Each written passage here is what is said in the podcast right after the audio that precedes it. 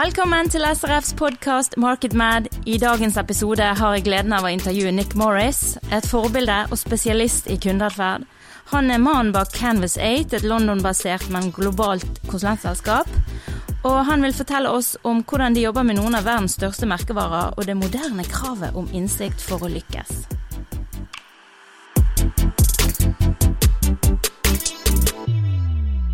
Uh, we are today at the Market Remix conference, and I have with me Nick Morris, the founder and CEO of Canvas 8, a brilliant London based but global consultancy. Welcome to this podcast, Nick. Thank you. Can you? Uh, we've had uh, the opportunity to listen to your speech here today, but I'd like to take it further, and I want to know more about you. I want to do more about your uh, more about your company and what was your driving force behind uh, created Canvas Eight. So yeah, sure. Um, so I launched Canvas Eight back in 2008, 2009, in the eye of the recession. And it really was born out of an idea that I had prior to that. So I, I used to work for a big media company in the UK called EMAP, and EMAP was a large uh, a large media company in the UK. And one half of the business was a B two B business, right. and it ran large scale exhibitions, information products, magazines, ranging from the Cannes Lion Advertising Festival through to Retail Week. Yeah. And whilst there, I used to look after new product development across the, across the group.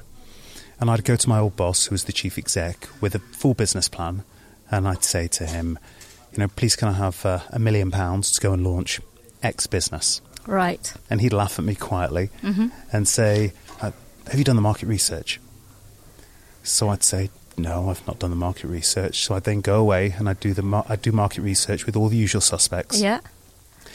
and it would take four to eight weeks, and it would always be the same shit that would come back there'd be 120 to 200 slides of PowerPoint charts, column charts, bar charts, um, pie charts, and if I was lucky, there'd be a Venn diagram. To be honest, I'm still kind of fond of a Venn yeah, diagram. Yeah. and but what's the, end, the problem with these 120 pages? Well, it's just quite repetitive, and there's not there's not really there was never sharp insight within it. Yeah. And for me, an insight is something which is a new piece of understanding which fundamentally changes the way that you, you're going to or you are doing business. And so at the end of these, at the end of the presentation, and I've got a really short attention span, so I was I'd be pinching the back of my thigh, desperately trying to stay awake. And at the end of it, I turned to the presenter and I say, "Okay, so." if you were me and you know what we're trying to develop, what would you do? And they pause for a minute and they'd say, well, you know, that's it's not really what we do. I'd say, come on, but you've you've just spent the last four to eight weeks researching this topic. You know more about this than I do. Yeah. And are I they, guess are they uh, afraid to have an opinion about it? Is that? I, th- I think afraid to have a nuanced business opinion, right? Um, and blend their understanding of the customer with with uh, with strategic knowledge. Exactly. And yes. I think it's that co- it's the combination of uh, strate- of strategy and human understanding which is the real sweet spot. Yeah. And so I'd push them really hard, and I'd get something back which was so vanilla, it was kind of useless.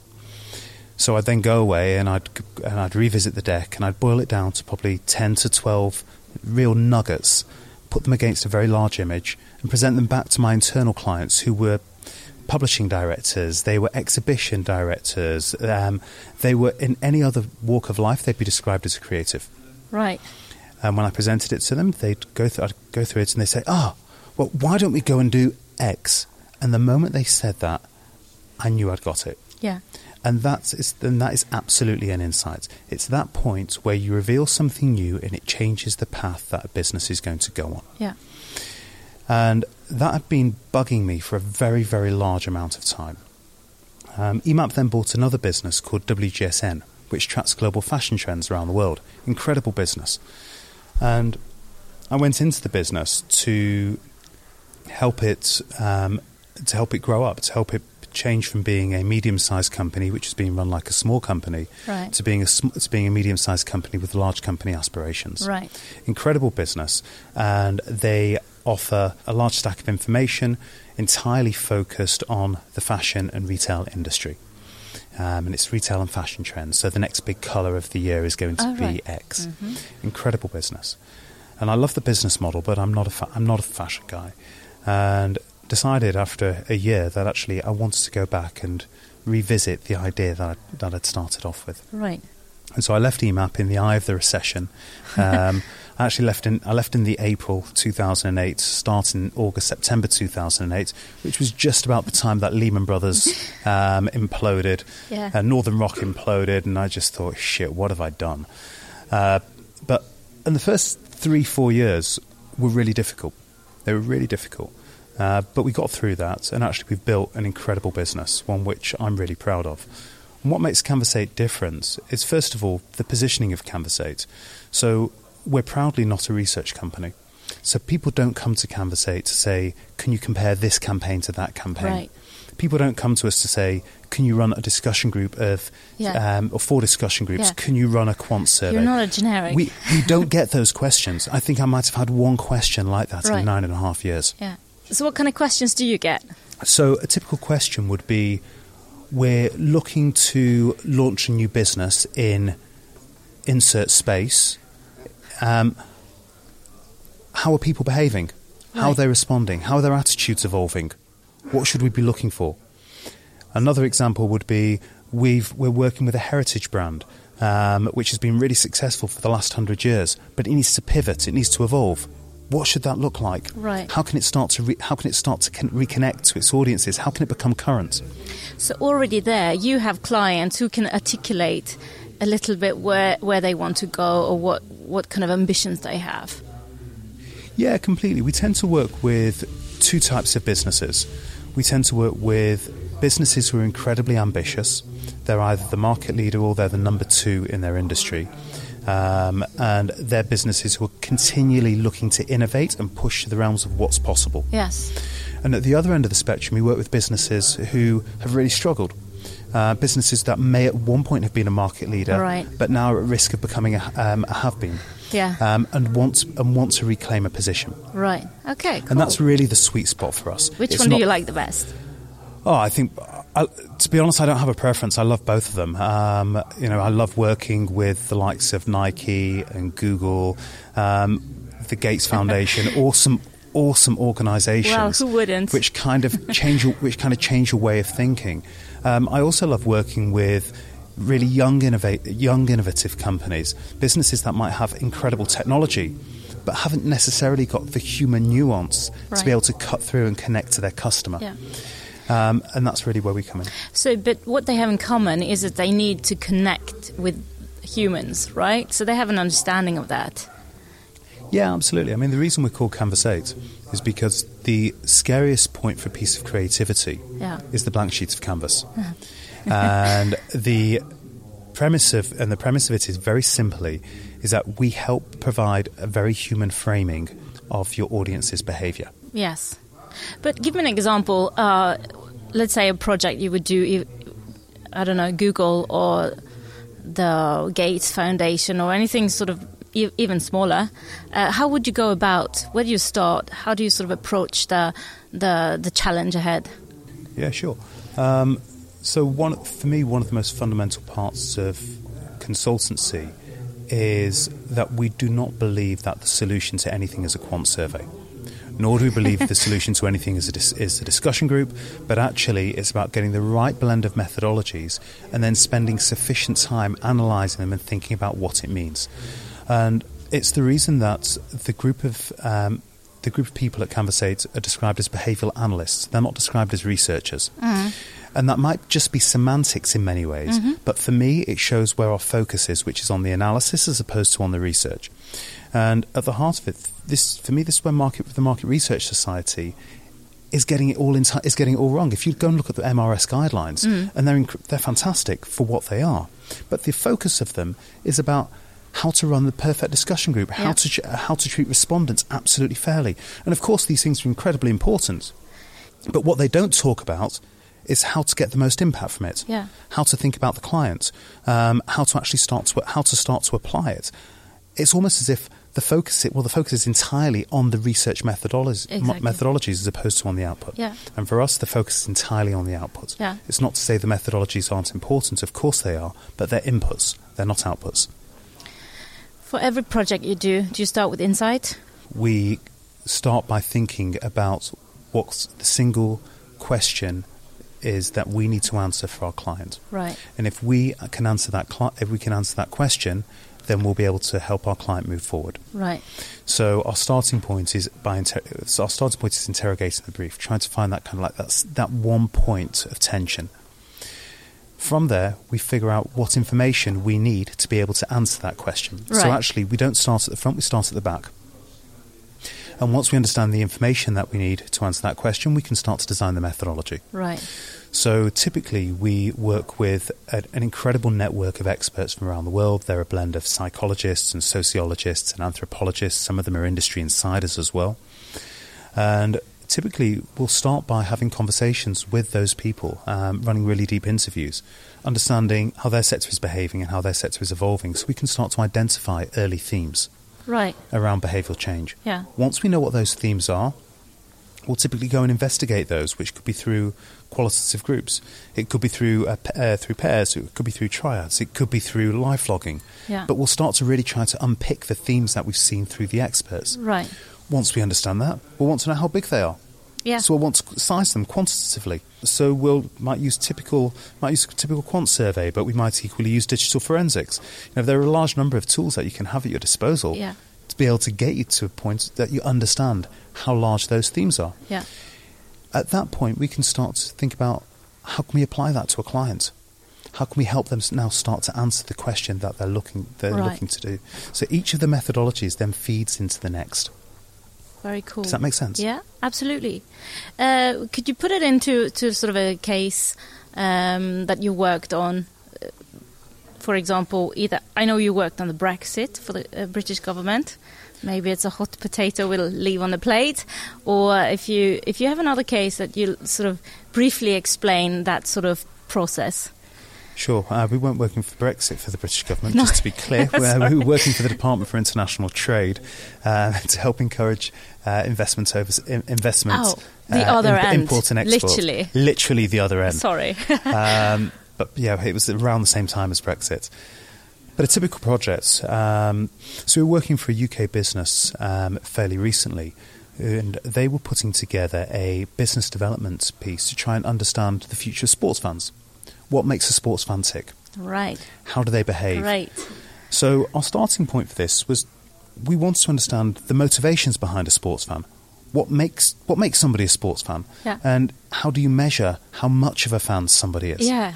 So what we did was we went to one of the leading we went to one of the leading professors in the world um, on this, um, a professor over in the in the states at Duke University, and we interviewed him, and he helped us understand that actually there are. I think there were seven different motivations for being a sports fan, right. which ranged from something he calls eustress, which is that point between euphoria and stress, that positioning of being completely helpless. Uh-huh. So imagine you were watching a boxing match and you're not you're you have no idea what the outcome is going to be, or you can't. More important, you can't influence the outcome. Right. You just have to watch it. You just have to watch it, and you have highs and you have lows, and it's exhilarating. That's eustress because you have, n- and that's the motivation. That's a new word today. Eustress. Mhm. At the other end of the spectrum, you can have something. You can have something like community.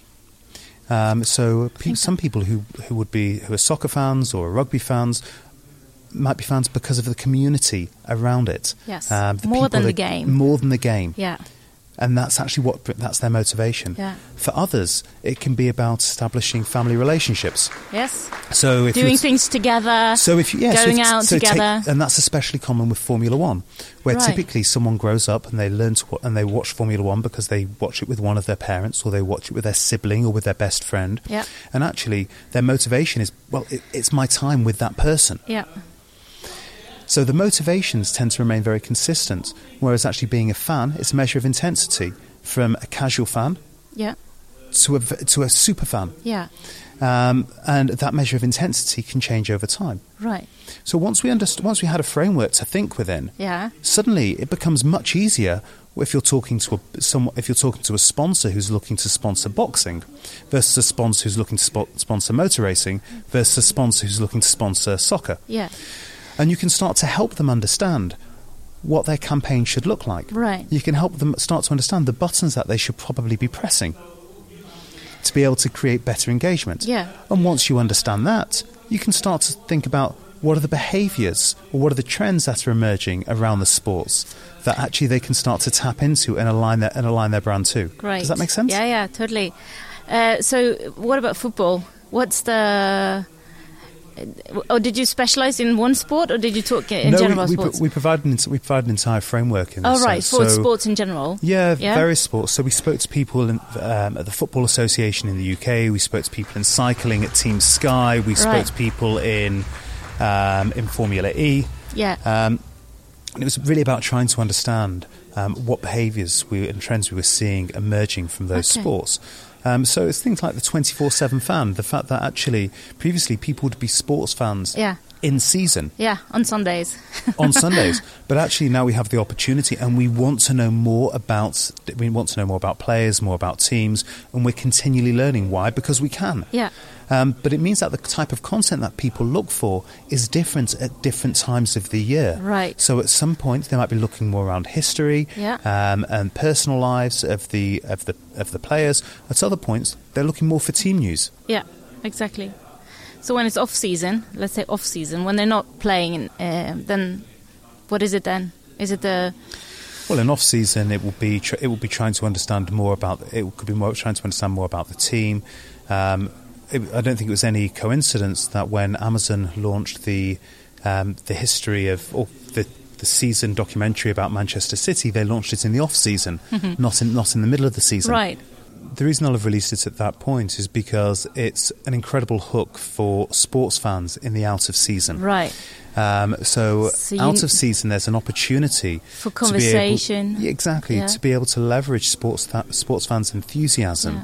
And their focus, and so the timing of it out of season is actually absolutely perfect. Right. Would you also take this and leverage it um, with something non-sport?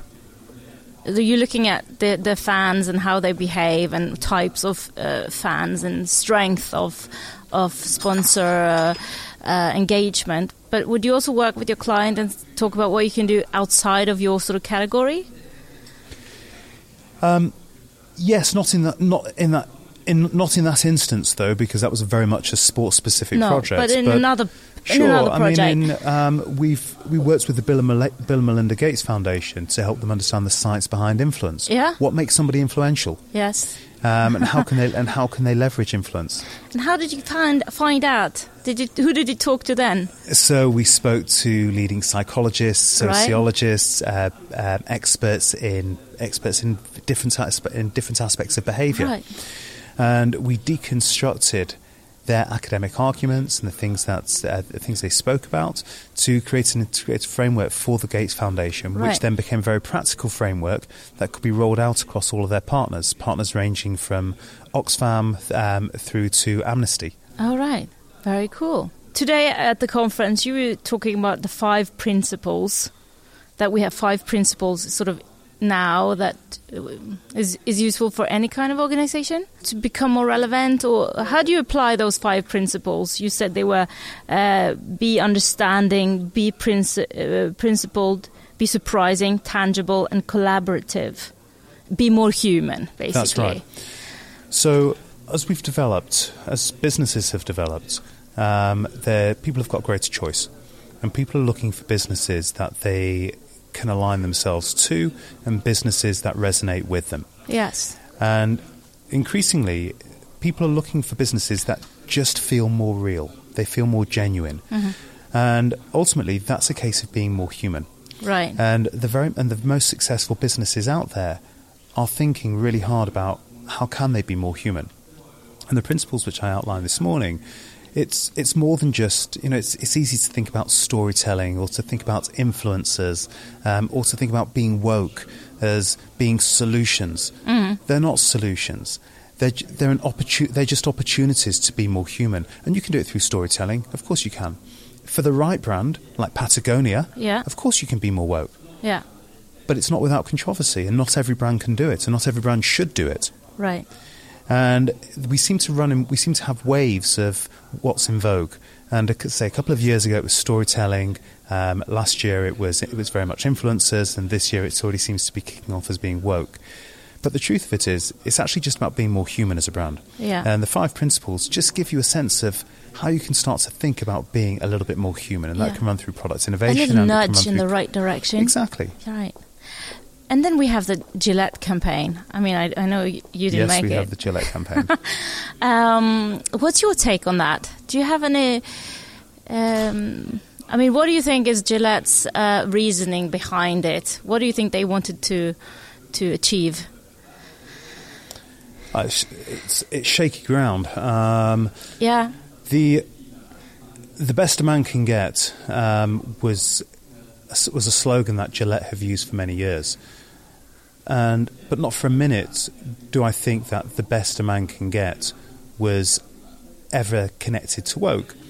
I'm sure it was probably originally more connected to the fact that actually it was the best it was the best disposable razor that a man could get. Yeah. And why a man could get it because men tended to shave shave their faces more. right. Um, and it was and it was and it was in society it was expected back in the uh, back in the sixties. So try, what they're effectively doing is they're, they're misappropriating for me a slogan into this position into the position of woke. Um, Right. It doesn't resonate with it doesn't resonate with many people. It's left them open to uh, controversy. It's brave. It's challenging but it's very difficult for the brand as well. Um, Yeah. It's difficult for a brand which is still selling Venus razors, which are pink at a premium to men's razors. Yep. It's difficult for a brand which doesn't always have the most, uh, doesn't have the, the greenest of credentials, as has been pointed out on, on many social media forums. yeah. Um, Did they need to do it, or or, or did they sort of? Uh, my my first impression when watching it was, oh my god, there's a load of bad conscience coming off here now, and they try to sort of almost apologize on their own behalf and using other mechanisms for it. But did people really sort of connect the razor, as you say, the, the the functionality and the sort of quality that you want the brand to to deliver to something very large and and almost political? Yeah, I mean, it's. I agree. It's in many ways it's a very apologetic message. Um, does it need to be? Well, the brand needs to be principled, but the brand could stand for the principle of quality Right, exactly, Um, and say, and that's and good say enough. this. This is this, This is what this we is, are. This is what we are. This Right. is what we stand for. Um, to join the to join the Me Too. From my perspective, I'm not sure it's necessary. No. Um, it is a very human behaviour. Yes. Um, and it's a very human reaction, but I don't think it's necessarily the only solution that the brand that the brand could have come up with. Right. Do you ever sit down with clients and they say, "Oh, we have so much insight, we don't need any more"? Yeah, always, always. Right. Happen- happens on a regular basis. Okay, I'm glad to hear. Um, happens on a regular basis. and I'm glad to hear that, but I, I, I have the same. We work in similar businesses, and I meet that every day. And I think, and why why are we having this conversation? And if you have good enough, deep enough insight, why why are we talking? But tell me, how do you uh, address those kind of um, claims? Yeah, um, but we always hear we we hear conversations on a regular basis. It's not only about we have too much insight or we have enough insight. Yeah, we have enough. It's that we, have so much. It's that we have so much research. yeah, and you ask That's- for it. Um, th- that's the line I always hear. We we have so much research. I said, what are you doing with it? How are you using it? How are you applying it? How's it making your business better? yeah, And when they're not sure, that's the point we stop and we ha- and we review all of the information that they have. And it's not insight, just to be clear. It's information. yeah, It's exactly. on- at that point, it's only an input. It's not an output. But do you clarify to them the difference between information and insight? Do you explain? Can you explain sort of that to people so they understand that there is a significant difference? There's a huge difference, and we do communicate that. Um, often we end up talking to people about what they're doing, what they're doing with the research. Right. And Yeah. if and if they're saying, well, actually, not a lot, then it's just noise. Yes. It's just noise. It's just distracting, um, and it becomes a very expensive paperweight. Okay. yeah. I sometimes get clients who says, uh, "I'd like some focus groups," and I'm like, "Really? what are you going to use them for?" I mean, what you know? It's like it's very funny, weird. Uh, you know, yes, we we will provide that if that's what you need, but what are you trying to solve? So you always have to sort of go Yeah. that around the table and re-initiate the conversation. But I find a lot of people maybe um, smaller companies, uh, they will ask for a method more than actually a solution to a problem or uh, an, a finding a new opportunity. But you seem to get less of those, uh, maybe because you work with very large uh, professional companies. That Not not necessarily. I think that the starting point is always trying to reframe the question. right, So if someone does start by asking for a discussion group or asking for a, a quant, survey, right, then the question is why? What are you trying to achieve? How are you planning on using it? And once you once you understand that, you're taking a step away from the methodology, and you're going back to the business challenge. right, And once you understand the business challenge, then actually you can support the company in trying to answer that challenge. And that for me is far more important than, uh, than being able to produce the perfect quant survey or the perfect core group. yeah. But sometimes the person asking for that is not really in, in ownership of the, the sort of the strategy or the bigger uh, plan. Is more sort of a someone who's running out to to to buy a service. Uh, do you manage to sort of hook on the right people into that conversation? Yeah, for me, the fundamental question or the fundamental part of any project is always the scoping stage. And the scoping stage requires a range of stakeholder interviews, going and having discussions with the people who are going to be able to use the use the work as an output. Because if you if you don't understand how they're going to use it and, and what it's going to be used for, Yeah. it's it's impossible to get it right. Yeah, yeah, you get nowhere. Yeah. But another thing I read about your company, uh, your business model, you have a membership uh, part and a consultancy part of your Yeah, business. that's right. Right. Can you can you tell me a little bit about your membership part because I think that's very interesting. Yeah, sure. So as part of, as part of Canvas 8, we have a membership service, which is a subscription service. Uh, we have something which we call the Canvas 8 Library, and the library has over 23,000 articles on it about people's behaviour in 14 sectors and nine markets. Right. And it's entirely focused on people and what makes people tick. So we don't talk about finance, we talk about money. We don't talk about retail, we talk about shopping. Because shopping is what people do, retail is what businesses do. yes. Um, and so for us, it's always about trying to uh, discover and unearth how people are behaving and why they're doing it. So every day, the analysts are writing um, signals, reports, case studies um, about people's behavior across those countries. Right.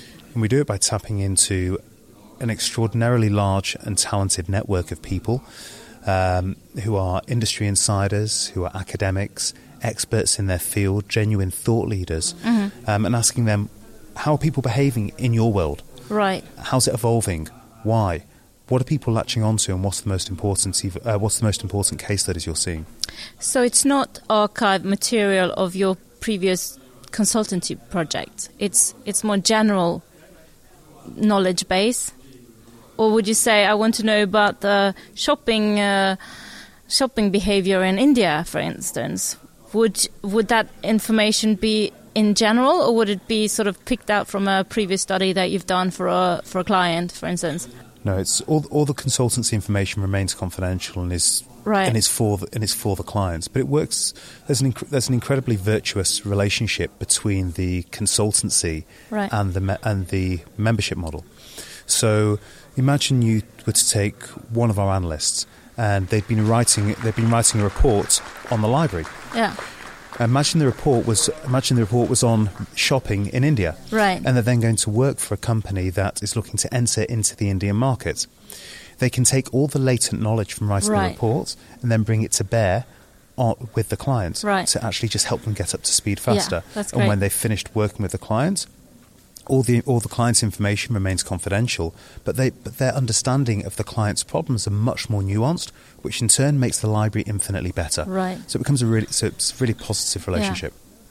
So if you subscribe to your library, can you just go and go on and read at your own Yeah, absolutely. We- interest? yeah, absolutely. We publish about seventy new pieces a week. Oh right. Um, okay. So So this is the new Wikipedia, is it? so there's there's a pretty significant volume there. Right. Um, we do uh, we we do webinars, we do events, um, all the kind of things you'd expect. right. And it's designed specifically for strategists, planners, researchers, um, uh, people at, people at the outset writing a creative brief, either internally within an organisation for an Right. innovation team, or externally working inside comms. So this is great news. That means that we can invite you back for another conference, and you have lots of topics that you can bring to the table. So many topics. Oh, do you have any favorites? Do you have any sort of uh, categories that you is closer to heart? Oh, I love. We've run a series which are called the Science of, um, Uh-huh. and the Science of is trying to understand the behavioural science behind why we do what we do. Right. And for me, fundamentally, our behaviour is impacted by two things. Partly, it's about culture, Right. uh, which is the environment around us, our friends, our family, um, our age, where we've where we've grown up, and partly it's about the way we're programmed as human beings, um, uh, which is the science. And for me, I'm absolutely fascinated by um, by behavioural science. So Great. those those areas are always the most interesting. All right. I'm glad to hear that. I'm sure we will welcome you back at another conference, Nick Morris. Thank you very much for joining me at this podcast. And I hope you enjoy your stay in Norway. You're going snowboarding tonight. So right. I wish you best of luck and break no legs. All right. Thank you very much for having me. Takk for at du hørte på denne episoden av Market Mad. For å holde deg oppdatert på kommende episoder, husk å abonnere på podkasten i din podkast-app.